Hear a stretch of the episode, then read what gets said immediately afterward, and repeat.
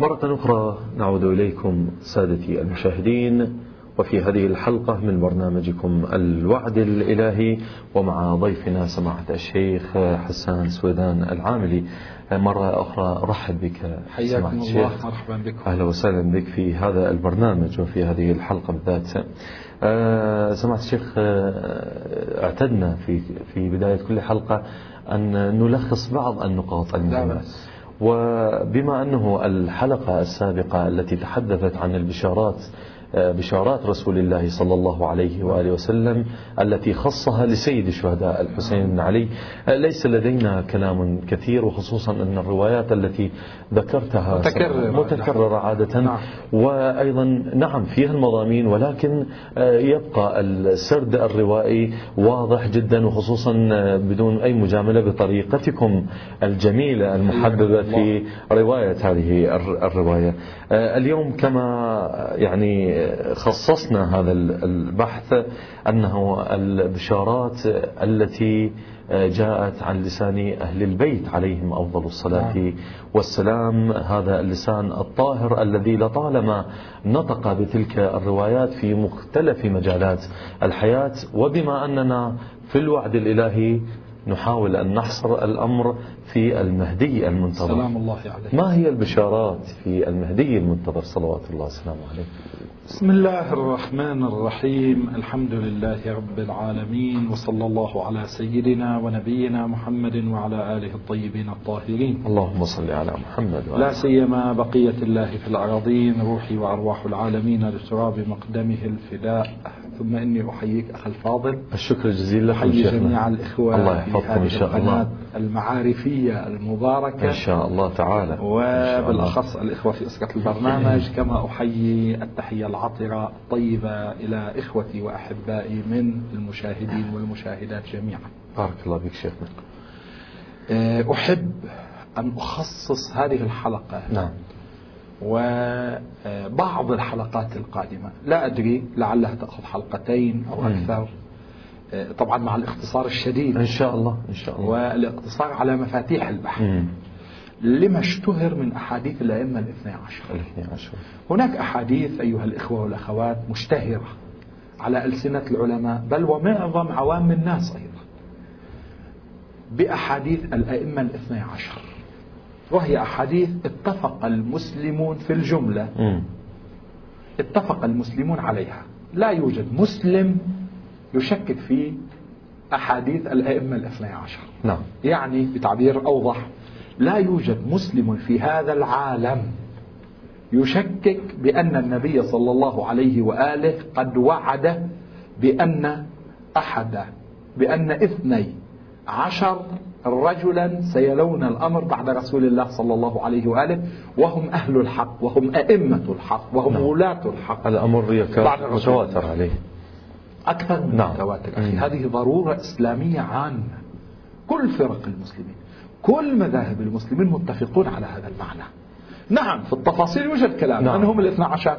هؤلاء يفسرون بمعنى هؤلاء يفسرون بمعنى هؤلاء يقولون لم نستطع أن ولكن. مجمل للحديث. فيسكتون آه، هؤلاء يفسرون بمعنى منطقي هؤلاء يفسرون بمعنى غير منطقي. نحن ندعي في مدرسة أهل البيت عليهم السلام أن هذه الأحاديث لا تفسير منطقي. وصحيح وسليم لها إلا في ظل آه، نظرية الإمامة في مدرسة أهل البيت نظرية الإمامية الاثنى عشرية حتى عرفت فرقتنا فرقة الحق نعم. وهي الفرقة الثالثة والسبعين. بأنها الإمامية. الإمامية الاثنى عشر عشرية. والحق يقال بأنني وجدت علامة معاصر علامة من علمائنا المعاصرين نعم. وهو الآن من مراجع الدين قد أتعب نفسه وأجهدها وجمع الكثير من هذه الروايات. من مصادر السنة والشيعة بلا تبويب وتنظيم خاص فقط نقل يعني نقل الروايات من مصادر المسلمين مصادر. التي فيها إثبات أن الأئمة بعد رسول الله 12 على لسان رسول الله صلى الله نعم. عليه وآله نعم. أو على لسان علي عن رسول الله مم. المهم أنها تنسب الحديث إلى رسول الله صلى الله عليه وآله. في قراءة متأنية لما هو موجود في هذا الكتاب يمكن أن نستخلص طوائف من الروايات. سيدور حديثنا عن هذه الطوائف. نستطيع أن نعلم اسم الكتاب بالضبط. الكتاب هو للمرجع الديني نعم. والعلامة المحقق آه، الشيخ لطف الله الصافي القلبيقة حفظه الله. نعم نعم. الكتاب هو منتخب الأثر في الإمام الثاني عشر للعلامة المحقق المرجع الديني الشيخ لطف الله الصافي. خصص مجلد من مجلدات الكتاب الثلاثة لأحاديث الأئمة الاثنى عشر. عندما آه، أردت أن أبحث في المصادر وجدت آه، أنني لن أستطيع في هذا البرنامج أن أقدم إلا نفس اليسير من نعم، الروايات. نعم، نعم. لأني لو أردت أن أقدم هذه الروايات تحتاج إلى برنامج مستقل أساسا. والإشارة إلى مفاتيح البحث تكفي إنما أعطي لهذا البحث حلقتين أو ثلاث أو أربع من برنامجنا لأن قضية الأئمة الاثنى عشر لكل الإخوة المثقفين والأخوات الذين يعرفون معنى الأحاديث الأئمة الاثنى عشر قد أخذت حيزا واسعا من متكلمي المسلمين نعم. من علماء. المسلمين وهي من أعلام مذهب أهل البيت عليهم السلام هذه الأحاديث مع أنها مروية في مصادر السنة أكثر مما هي مروية في مصادر الشيعة. مصادر الشيعة طبعا نمط الروايات الشيعية فيه نكهة خاصة صحيح. وهو التنصيص مثلا عليهم بأسمائهم. موجود في بعض مصادر السنة. في غالب مصادر السنة لا يوجد هذا المعنى وسيتضح للإخوة إن شاء الله في هذه آه، آه، الحلقات. لكن هذا بحث من غرر المباحث. وارتباط البحث بالإمام المهدي كما تعلمون لأن الإمام الثاني عشر من هؤلاء نعم. هو الإمام المهدي. صلوات الله وسلامه عليه. أنا الآن أقتبس الفرصة حتى أعطي خطة بحث جيد وأنا معك للإخوة حتى يكون الأمر واضح حتى لا يتيه الأمر على الإخوة. أنا أستخلص تسعة طوائف من هذه الروايات. أصنفها تسعة طوائف طبعا متداخلة هذه نعم. الطوائف نعم. يعني العلامة القلبيقاني جمع في هذا الكتاب آه، قريبا من 400 آه، رواية. ويمكن لإنسان هو يقول يمكن لإنسان أكثر تبحرا اطلع على مصادر أكثر أن يجمع روايات أكثر من هذه الروايات. خصوصا فيما يرتبط بتراث السنة الذي هو موزع في البلدان وكثير من المصادر ربما لم تزل مخطوطات لم تطبع حتى الآن. صحيح. آه على كل حال آه الطوائف تسعة. الطائفة الأولى نعم.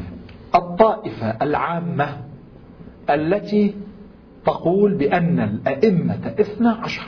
نعم. هذه الطائفة أنا أستطيع أن أجزم للإخوة والأخوات بأنه يوجد بهذا المضمون بحسب ما حصلنا عليه من خلال استقرائنا لكل الروايات 323 رواية. رواية. الأئمة 12 الرواية الثانية طبعا أعم من كلمة أئمة أو يلي الأمر بعد 12 معنى يلي الأمر يعني هم الولاة هم نعم، الأئمة نعم. بالمعنى العام للكلمة. الطائفة الثانية. الطائفة التي قالت عدتهم عدة نقباء بني إسرائيل والأسباط وحواريي عيسى على نبينا وآله وعليه أفضل الصلاة والسلام. هذه مجموعة من الروايات كثير منها مروية في مصادر أهل السنة والجماعة وبعضها مروي في مصادرنا بلغت الروايات 42 رواية. تصنيف جميل جيد. يعني هنا آه، سوف البحث يعني يكون البحث موجها إلى طرف معين. جيد. لا شك. جيد. وبشكل واضح. مم. عدة النقباء معروفة أن النقباء 12 ولا يعني الأصباط أيضا 12 نعم. حواري عيسى 12 هذا مسلم. جيد. والكناية أبلغ من التصريح. الطائفة الثالثة التي تقول بأنهم 12 أولهم علي عليه السلام. علي عليه السلام. هنا بدأنا نعم نعم. نميل نحو التضييق والتحديد. هذه الطائفة فيها 179 رواية. طبعا لا تجمع العدد أخي العزيز أو الإخوة والأخوات. أنا قلت إما 12 كثير منها يتكرر. 12 أولهم علي. نعم نعم لكن الذي نصص على أن الاثنين عشر أولهم علي 179 رواية. 179 نعم. مم. من مجموع روايات الاثني عشر. الطائفة الرابعة الطائفة التي تقول بأنهم اثنى عشر آخرهم المهدي. آخرهم المهدي. هذه تفيدنا في الصميم هذه. أن الثاني عشر من الأئمة الذين يلون بعد رسول الله المهدي هو المهدي. وهذه فيها 130 رواية. 103 جيد. كثير منها سنية. وهنا بيت القصيد الطائفة الخامسة. الطائفة التي جمعت الطائفتين الثالثة والرابعة. الثالثة والرابعة. نعم. اثنا عشر. أولهم علي, علي. وآخرهم المهدي. المهدي. وهذه فيها 109 روايات. تلتفتون أخي نعم،؟ نعم، نعم. يعني اللي فيها واضح. أولهم علي. أكثر عددا. اللي فيها آخرهم المهدي أكثر عددا. اللي فيها اجتمع أولهم وآخرهم علي والمهدي. نعم. 109 حددت الدائرة من الطرفين. نعم. 109 روايات. الطائفة السادسة. التي قالت بأنهم اثنا عشر وتسعة منهم من صلب الحسين عليه السلام. هذه بعد. تلتفتون نعم. لطافة يعني الإخوة والأخوات يلتفتون إن شاء الله معي. إلى لطافة التنظيم. أولهم علي آخرهم المهدي. أولهم علي آخرهم المهدي. الطائفة السادسة تقول تسعة من صلب الحسين. من صلب الحسين. دخلت إلى الوسط. نعم نعم. أول وآخر ووسط. الطائفة السابعة لأن إذا تحسب الآن من صلب الحسين تسعة يطلع الثاني عشر هو المهدي صلوات الله صلوات الله وسلامه عليه. الطائفة السابعة الطائفة السادسة كم رواية تقريبا؟ 160 رواية. 160 رواية. الطائفة السابعة الأئمة 12 تسعة من صلب الحسين والمهدي منهم. يعني نصصت على أن المهدي من هؤلاء التسعة. نعم نعم نعم. الطائفة وهذه 121 رواية. 121 مم. الطائفة الثامنة الطائفة التي تقول بأنهم تسعة من صلب الحسين تاسعهم قائمهم. قائم هذه حددته تعبير التاسع. تعبير آخر نعم يعني الثاني عشر في. الأئمة الاثني عشر لأن علي والحسن والحسين والتاسع هو القائم من ولد الحسين 115 رواية مم. طبعا قلت أنا لا أزال أكرر هذا نعم. كله أعداد متداخلة يعني. لا يجي أخ يجمع 323 مع 179 نعم، مع نعم. مع مع متداخلة فيما بينها. لأن كثير من الروايات كما سنقرأ من كل طائفة سنقرأ بعض الروايات ستجد أن الرواية تشير إلى عدة مضامين. أنا هنا على سبيل طريقة ال- ال- الفقهاء مثلا صح التعبير آه، أجمع المضمون الذي يستفاد من الروايات وعدد الروايات التي يستفاد من هذا المضمون هذا العدد الطائفة التاسعة والأخيرة. وهي غر الطوائف. وهذه فيها بعض ال- الروايات السنية لكن معظمها روايات شيعية الروايات التي تنصص عليهم بأسمائهم من الأول إلى الآخر بأسمائهم الشريفة نعم نعم وهذه طبعا إحنا نتكلم يا إخوان مم. عن الروايات النبوية نعم نعم يعني الروايات المنسوبة للنبي للنبي صلى الله عليه وسلم. الروايات التي قال الصادق آه، عليه السلام كذا وأن المهدي من أولاده والروايات التي قال الباقر كذا وهو كلام خاص بالإمام كذا مم. هذه روايات خاصة بالأئمة بالأئمة. غير داخلة في هذا. هذه روايات النبي صلى الله عليه وسلم هذه روايات فقط النبي صلوات الله. بأحاديث الأئمة مم. الاثني عشر مم. طب هذه آه، تسعة طوائف. أنا آه، الظاهر فاصل صار قريب منا صار قريب ولكن فقط كم رواية في ال آه، 71 رواية 71 رواية. وهذه أهم الطوائف كما هو معلوم. نعم. لكن أنا أؤكد أن كل الطوائف منسجمة انسجاما تاما وسيلاحظ هذا المعنى. الإخوة والأخوات بشكل واضح مع صبرهم معنا حتى تتضح هذه الحقيقة الدينية. إن شاء الله. حقيقة الأئمة الاثني عشر حتى تتضح بشكل واضح إن شاء الله. إن شاء الله. آه، وبعد الفاصل أنا سأقرأ رواية من الطائفة الأولى من غرر الروايات إن شاء الله. إذن إذن بهذا التقسيم اللطيف والجميل آه، حدد برنامجنا والذي إن شاء الله إن شاء الله. واضح جدا واضح. وسيكون الكلام أكثر جمالا وخصوصا عندما يكون المشاهد الكريم معنا دائما. آه، عذرا سماحة الشيخ إلى الفاصل ومن ثم أعود. إليك. آه، أحبتي المشاهدين آه، فاصل ومن ثم نعود إلى سماحة الشيخ لنبدأ رحلة جديدة مع هذه الأحاديث الشريفة لأهل البيت عليهم أفضل الصلاة والسلام. فابقوا معنا فنحن نعود مجددا إليكم أحبتي المشاهدين وفي تكملة لهذه الحلقة من برنامجكم الوعد الإلهي. آه، في الفاصل الأول كان لنا كلام حول آه، مجموعة من التقاسيم أو مجموعة من الطوائف.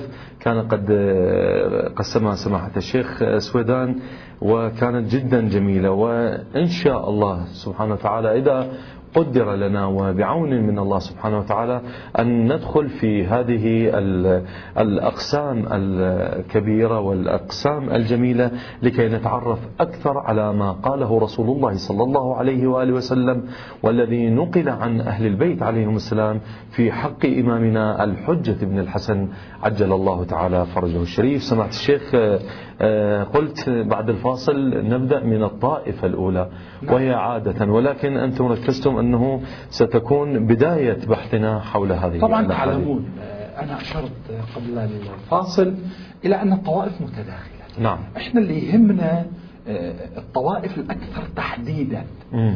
ليش؟ لأن الطوائف الأكثر تحديدا هي داخلة أكثرها في الطائفة العامة الأولى. في الطائفة العامة التي نعم. قالت بأنهم 12 من هنا أنا في هذا الفاصل الذي دقائقه يسيرة. نعم. نعم. وإن شاء الله نمدده شيئا. إن شاء الله إن شاء الله. لأنني سأقرأ رواية من غرر هذه الرواية. نحاول أن نميل إلى الفاصل الثالث اللي هو الذي هو يخص المشاهد. دائما نعم. الإخوة والأخوات يتحملوننا. إن شاء الله إن شاء الله إن شاء الله. من هنا أنا أستشهد من في الطوائف الأولى الما محددة. أستشهد برواية أو روايتين في كل طائفة وأكتفي. عندما أبدأ بالروايات أولهم علي آخرهم المهدي صلوات الله وسلامه عليهما. هنا أبدأ أركز أكثر. الرواية التي أحب أن أركز عليها آه، هنا في هذا الفاصل هي الرواية التي أخرجها الشيخ آه، الصدوق رضوان الله تعالى رضوان الله تعالى في كتابه الجليل كتاب كمال الدين وتمام النعمة الجزء الأول صفحة 253 الباب الثالث والعشرون من أبواب الكتاب الحديث الثالث. م. نفس الرواية أيضا رواها العلامة الحنفي القندوزي في كتابه ينابيع المودة. نعم. في الطبعة ذات المجلد الواحد آه، آه، الطبعة التركية على بالي. صفحة 494 إذا كانت مختلفة الطبعات الباب الرابع والتسعون. يجدها الإخوة إن شاء الله. إن شاء الله وإن شاء الله يتابعون وأخرجتها مصادر عديدة. طبعا لا أطيل الآن بذكر المصادر. آه الذي يهمني هنا أن أقرأ الرواية. الرواية بإسناد متصل تنتهي إلى الصحابي الجليل والكبير والعظيم جابر بن عبد الله الأنصاري رضوان الله رضوان الله تعالى عليه هذا الصحابي يقول مرموق. لما أنزل الله عز وجل على نبيه محمد صلى الله اللهم عليه صل على محمد وآل محمد. يا أيها الذين آمنوا أطيعوا الله وأطيعوا الرسول يا أيها الذين آمنوا أطيعوا الله وأطيعوا الرسول وأولي الأمر منكم. قلت يا رسول الله عرفنا عرفنا الله ورسوله. قلت يا رسول الله عرفنا الله ورسوله. فمن أولو الأمر الذين قرن الله طاعتهم بطاعتك؟ هذا محدد. سؤال محدد جدا محدد. قرنه. أيضا جابر بن عبد الله فهم أن ذول لهم مقام الطاعة كما لرسول الله. لأنه بين يا أيها الذين أطيعوا الله وأطيعوا الرسول تكرر تكررت كلمة أطيعوا. نعم. لكن بين النبي وأولي الأمر ما تكرر. إذا نفس طاعة الرسول نعم. ثابتة لهم نعم. وهكذا فهم الصحابي الجليل. فقال صلى الله عليه وآله هم خلفائي يا جابر وأئمة المسلمون وأئمة وأئمة المسلمين بعدي. أولهم علي بن أبي طالب. صلوات الله ثم الحسن والحسين. ثم علي بن الحسين. ثم محمد بن ثم محمد بن علي المعروف في التوراة بالباقر. بالباقر. هذه أول فائدة. نعم المعروف نعم. في التوراة. أن لا نجده في التوراة الموجودة الآن. هذا ليس دليل على عدم الوجود عدم الوجود. التوراة. نعم كما نعم. تعلمون حرفت. حرفت, حرفت. وقد نص القرآن. يحرفون الكلمة عن مواضعه. وستدركه يا جابر هذا أيضا من الأخبار الملاحمية لرسول الله صلى صحيح. الله عليه وآله. وفعلا أدركه أدركه جابر. وسيأتي في الرواية. لطافة نعم. وظرافة نعم. جدا قوية في هذه الرواية. وكل الروايات تشع نورا كما تعلم. الحمد لله. آه، وأئمة المسلمين بعدي أولهم علي بن أبي طالب ثم الحسن والحسين ثم علي بن الحسين ثم محمد بن بن علي المعروف في التوراة بالباقر, بالباقر. وستدركه يا جابر. فإذا لقيته فاقرأه أو فأقرئه من الله السلام. جميل ثم جميل. الصادق جعفر صلوات الله بن محمد. مم. ثم موسى بن جعفر ثم علي بن موسى ثم محمد بن علي ثم علي بن محمد ثم الحسن بن علي ثم سمي وكني. باسمه وكنيته. أحسنتم. حجة الله على خلقه أو حجة الله في أرضه في نقل آخر. وبقيته في عباده. إشارة إلى الآية الكريمة. بقية الله خير لكم إن كنتم مؤمنين. نعم. نعم ابن الحسن بن علي ذاك الذي يفتح الله تعالى على يديه مشارق الأرض ومغاربها. يملك العرب كنت أشير أنا في نعم نعم سابقا. نعم. يملكهم ويملك غيرهم. نعم يملك غيرهم. بالتأكيد. مشارق الأرض ومغاربها. هذا إشارة إلى أنه يملك الأرض بكاملها نعم. نعم ذاك الذي يغيب عن شيعته. واضح؟ إشارة إلى الغيبة. نعم. وأوليائه. غيبة لا يثبت فيها على القول بإمامته. إلا من امتحن الله قلبه للإيمان. قال جابر. فقلت له يا رسول الله فهل يقع لشيعته الانتفاع به في غيبته؟ فقال عليه الصلاة والسلام أي والذي بعثني بالنبوة إنه حسن. انظر للرواية تركز. إنهم يستضيئون بنوره وينتفعون بولايته في غيبته كانتفاع الناس بالشمس وإن تجلى لها السحاب. ما شاء الله.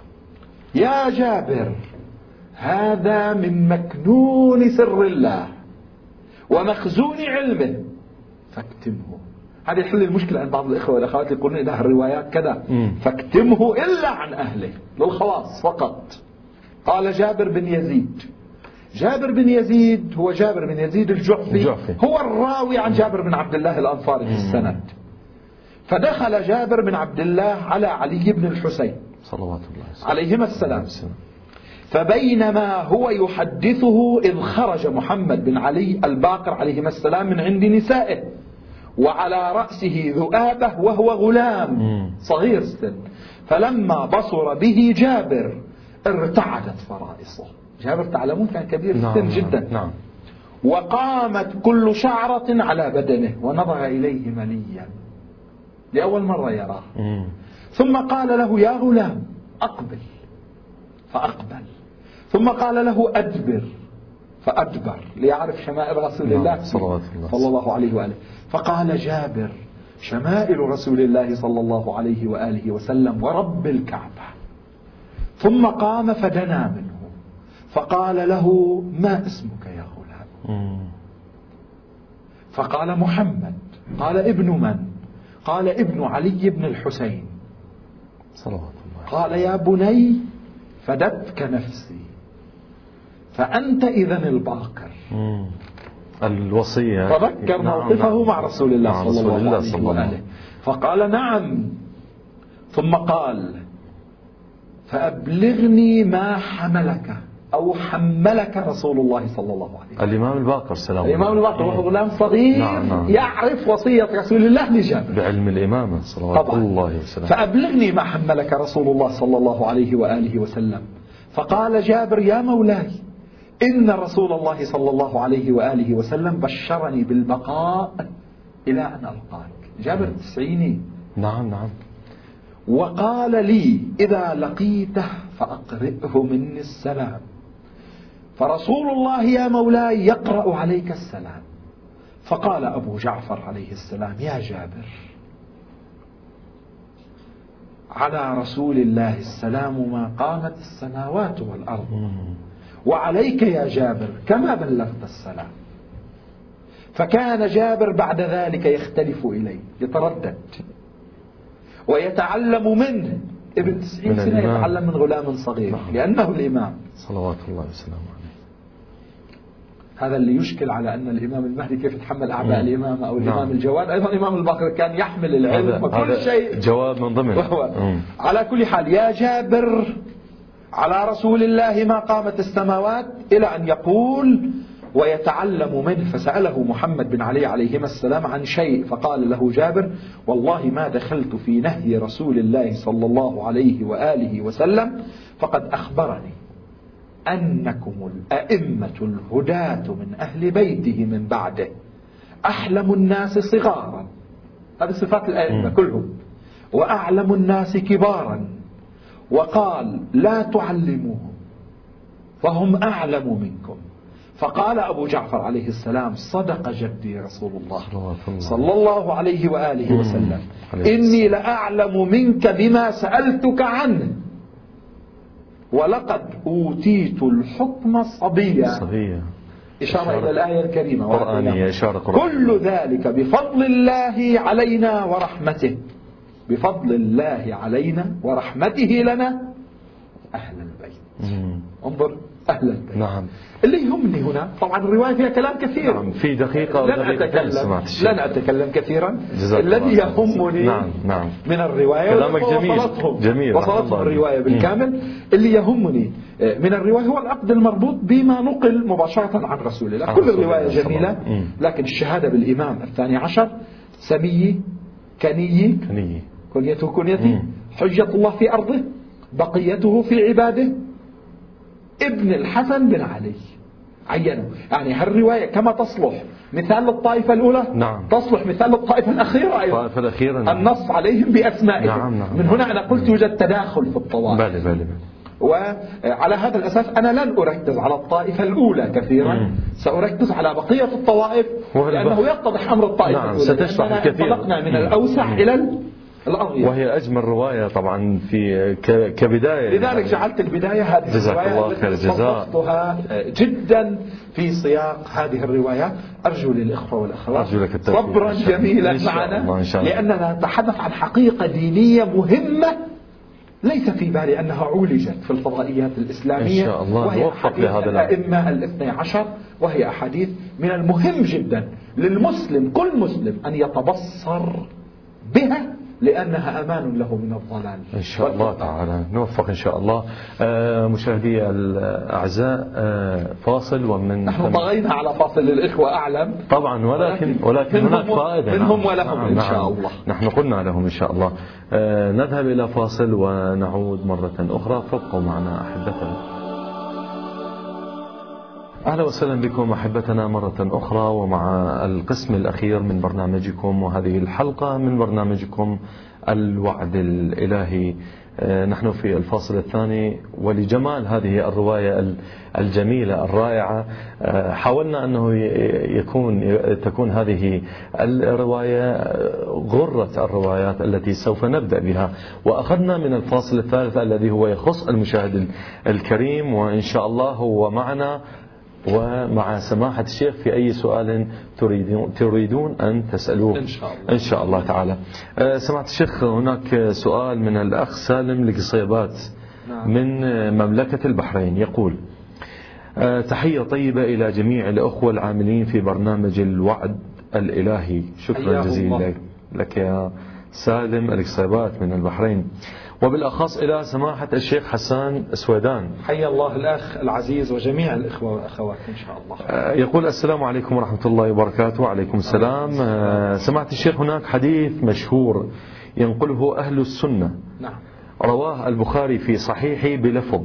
في صحيحه بلفظ.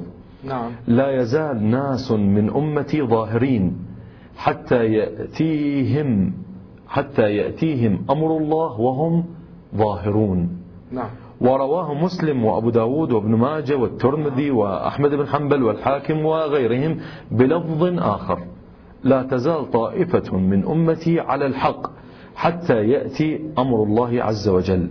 وهناك أيضا طرق أخرى جاء بها الحديث الشريف. سؤالي إليكم سماحة الشيخ ماذا يرمز الحديث المتقدم؟ أعتقد على الحديث الأول.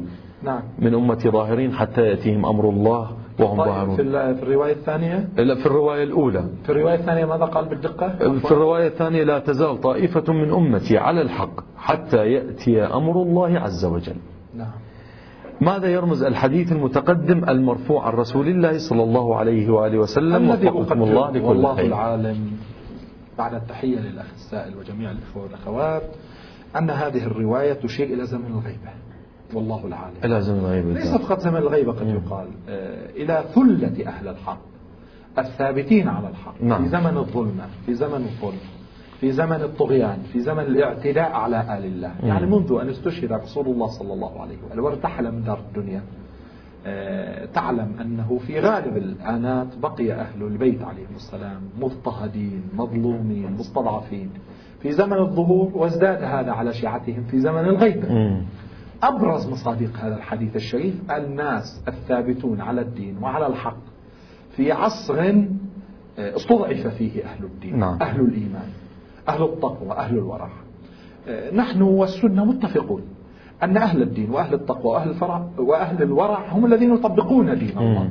ونحن وعلماء السنة لا نختلف في أن بلداننا الإسلامية والكثير من بلداننا العربية كثير من أعلام دين الله أحكام دين الله لا تطبق الإنسان المؤمن الملتزم المتدين المتقي. الورع إلى أي مذهب انتمى لا شك أنه مظلوم ومضطهد لا يستطيع أن يقيم شعائر الدين لا أقل لا يستطيع أن يقيم فريضة الأمر بالمعروف والنهي عن المنكر. بالشكل الكامل في بلده لا أريد أن أتي باسم أي نعم، بلدة نعم، نعم، واضح، الكلام واضح. كلهم يعلمون والإشارة جدا واضحة. هذه الحقيقة مم. من هنا نحن نقول بقدر ما يكون الإنسان أكثر تضحية في سبيل الحق أكثر ثباتا على الحق يكون مصداق لهذه الأحاديث. الشريفة والمقصود حتى يأتي أمر الله يعني حتى يأتي الوقت الذي تشرق الأرض بنور ربها يمكن الصالحون وأشرقت الأرض. بنور ربها. ونحن والسنة أيضا متفقون. هنا أن هذا لن يحصل بشكل كامل إلا على يد مهدي هذه الأمة مهدي هذه الأمة صلوات الله نحن نقول هو الإمام الثاني عشر من أئمة أهل البيت مم. وسنثبت هذا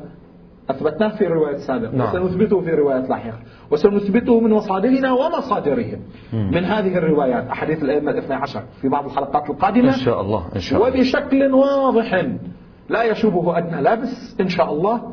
وعلى هذا الأساس نحن نرى أن هذه الروايات بمختلف تعابيرها تشير إلى ظهور دولة الحق على يد الإمام المهدي وأن الطائفة الممتدحة هي الطائفة المنتظرة الانتظار الحقيقي الإيجابي الثابت على الحق القائمة بواجباتها ووظائفها الدينية إلى أن يخرج صلوات الله وسلامه. صلوات الله وسلامه إن شاء الله. هذه إشارة. نعم، طبعا نعم. تحقيق البحث بشكل مفصل آه، يحتاج إلى جمع هذه الروايات. ربما وفقنا أن نزجها في صياغ إن شاء الله لدينا حلقاتنا طويلة من إن شاء الحلقات. الله. إن شاء الله تعالى. آه، سؤال آخر من آه، الأخ سالم عبد الأمير جلالي من إيران. نعم. يقول بعد التحية والسلام أود أن أسأل سماحة الشيخ حسان عن تلك الروايات التي تقول بأن ظهور الإمام إنما يكون في البداية في المدينة المنورة. أما إعلان حركته الإلهية إنما تكون عند بيت الله الحرام. إلى أي مدى يمكن كأنما السؤال شقين يعني إلى أي مدى يمكن اعتبار هذه الروايات؟ هذا أولا. هذه صحيحة روايات معتبرة نعم. وكثيرة موجودة في مصادرنا ومصادر غيرنا أيضا وهي روايات معتبرة والسفياني يتبع الإمام ويخسف به في البيداء كما هو معلوم. ها في في حركته يعني. نعم نعم. من المدينة إلى؟ آه نعم الإمام. ولكنه هو يبايع الإمام. صلوات الله وسلامه عليه بشكل علني وكامل يبايع في مكة المنورة بين الركن والمقام. إذا الشق الثاني قد يكون محلولة ولكن تفضل. نحن كما تعلم أنه سمعت الشيخ نحن نقيس الأمور بما هي طبيعية تفضل. يقول وأيضا إذا كانت صحيحة يعني هذه الروايات نعم. فما حال حركته بين المدينة والمكة كأنما يرمز الأخ إلى قضية الخطر الذي يحف به نعم ربما مم. آه على كل حال سنأتي إن شاء الله طبعا نعم. هذا من المباحث الأساسية نعم، آه، نعم. في حركة الظهور حركة المقدس. الظهور المقدس، نعم. آه، سنتحدث إن شاء الله بعد أن نتحدث عن إثبات الولادة و آه، خصائص زمن الغيبة شيئا ما. سنأتي إن شاء الله إلى آه، رسم خارطة لحركة الظهور المقدس كما تقول الروايات المعتبرة والصحيحة جيد. والمعتمدة. آه، سنجيب إن شاء الله هناك مفصلا على الأخ ولكن من حيث المبدأ هذه روايات موجودة روايات موجودة ومعتبرة فيها روايات معتبرة. وأن البيعة العظمى للإمام تكون في مكة المكرمة. ولكن هذا لا ينافي أن بداية خروجه تكون عند جده رسول الله صلى الله عليه وآله. في المدينة المنورة نعم. لكن إعلان الخروج بشكل مم. كامل البيعة تكون في مكة المكرمة. وكان يعني وكان سمعت الشيخ وكان قضية الخطبتين التي يقوم بها الإمام صلى الله عليه وسلم. طبعا هنا تفاصيل كثيرة. نعم. أنا أعرضت عن ذكرها. نعم نعم. آه، حتى أفصح في المجال جيد. آه، البرقية التي بعثت بها. إلى الأخ وإلى الإخوة والأخوات والتي سنجيب إن شاء الله بشكل مفصل. على أمورهم وتساؤلاتهم في البرنامج. نجيب على أسئلة الإخوة والأخوات. نحبذ طبعا أن يكون الأسئلة آه، إما أسئلة عامة لا نتعرض لها في البرنامج أو أسئلة لمسائل تعرضنا لها. آه، المسائل أسئلة من هالقبيل. إذا نريد نفصل فيها هي موضوع حلقة أو حلقات آه، قادمة. فأنا أختصر في الجواب لأترك التفصيل إن شاء الله إلى سياق هذه الحلقة. إن شاء الله. والبرقية وصلت إلى المشاهد الكريم ولكن لم تصل إلى مقدم البرنامج وإن شاء الله لنا لنا وقفة إن شاء الله في حلقات أخرى حول هذا الأمر بالذات. آه، أنا أعلم أنه من الوقت بقي دقيقتان ولكن هل نستطيع أن نطرح هذا السؤال ومن ثم مثلا في في وقت آخر نجيب. طبيعة السؤال تفضلوا. يعني إذا لديك سؤال مختصر مثلا حبذا. وإذا لا يوجد سؤال مختصر فالأمر إليكم. نعم. آه، يعني الأخت أم حنان من مملكة البحرين طبعا عذرا للأخت الكريمة الوقت داهمنا. وإن شاء الله نعدك إن شاء الله أختنا العزيزة في الحلقة القادمة سيكون أول سؤال هو سؤالكم. آه، سمعت الشيخ في آه، ترتيب لمدة دقيقتين ماذا يستطيع سماحة الشيخ أن يلملم أطراف الموضوع وخصوصا في هذه الحلقة؟ الحقيقة آه، نحن أمام روايات الأئمة الاثنى عشر كما قلت في بداية الحلقة. نعم. رواية الأئمة الاثنى عشر للإخوة الذين لا يعرفونها بشكل جيد. هذه روايات أطال الباحثون الوقوف عندها. م. واحتار المحققون أنا أسف طبعا ما أقدر أن أفصل الحديث كثيرا وإلا لجئت بكلام كل محقق من محققي علماء السنة والشيعة في تطبيق الأئمة صحيح. الشيعة مشكلتهم محلولة نعم الحمد لله. نعم. واضح عندهم سوى الفرق المنحرفة طبعا من الشيعة آه، والتي آه، أكثرها تقضى وانقرض. آه، لكن الشيعة الإمامية واضحة القضية عندهم بكل سلاسة وسهولة وبساطة. لكن علماء المسلمين اهتموا اهتماما بالغا بهذه الأحاديث. السبب أن هذه الأحاديث أحاديث الأئمة الاثنى عشر هي من أعلام الأحاديث في السنة النبوية المطهرة. يعني لا يسع مسلما أن ينكرها أو يتنكر لوجودها مستحيل. من المسلم بين المسلمين. أن النبي نطق بأحاديث الأئمة الاثنى عشر. هذا مسلم. هي متواترة. تواترا. معنويا لا شك في هذا. نحن ندعي في مدرسة أهل البيت أنها لا تطبيق صحيح لها منطقية لها واقعية لها إلا في ظل نظرية الإمامية الاثنى عشرية نعم في ظل النظرية. الآخرون الذين لا يعتقدون بمدرسة الإمامية الاثنى عشر حاولوا أن يفسروها بتفسيرات غريبة وعجيبة وبعض المنصفين طبعا أقول المنصفين توسعا من علماء المدارس الإسلامية الأخرى أذعنوا إلى أنه لا تفسير منطقيا لديهم. وقالوا هذه فلتكن من الأحاديث التي لا يمكن وسلموا بالأمر. تفسيرها أنا لا أستطيع أن أكون ساذجا في فهم سنة رسول الله صلى الله عليه وآله إلى هذا المستوى. أحاديث كثيرة في وقائع عديدة مو حديث واحد روي بروايات كثيرة. النبي تكلم في وقائع نعم عديدة نعم. بأحاديث الأئمة الاثنى عشر. يريد للأمة أن تفهم وتعي هذا المعنى. لم يتكلم النبي بإشارات وبرموز. وبخفايا لا تستطيع الأمة أو كما يقال في بعض البلدان حذاذير. لا تستطيع الأمة أن تفك آه، رموزها. النبي إنما تحدث بهذه الأحاديث لتكون معلم أساسي من معالم الهداية لهذه جيد. الأمة. جيد. لذا رسالة للإخوة والأخوات أن يهتموا كثيرا بهذه الروايات لأنها مهمة جدا في حسم النزاع المذهبي الإسلامي لصالح مدرسة أهل البيت إن شاء الله. السلام. إن شاء الله تعالى إن شاء الله تعالى. وجميع الأخوة هم متابعون لهذا البرنامج.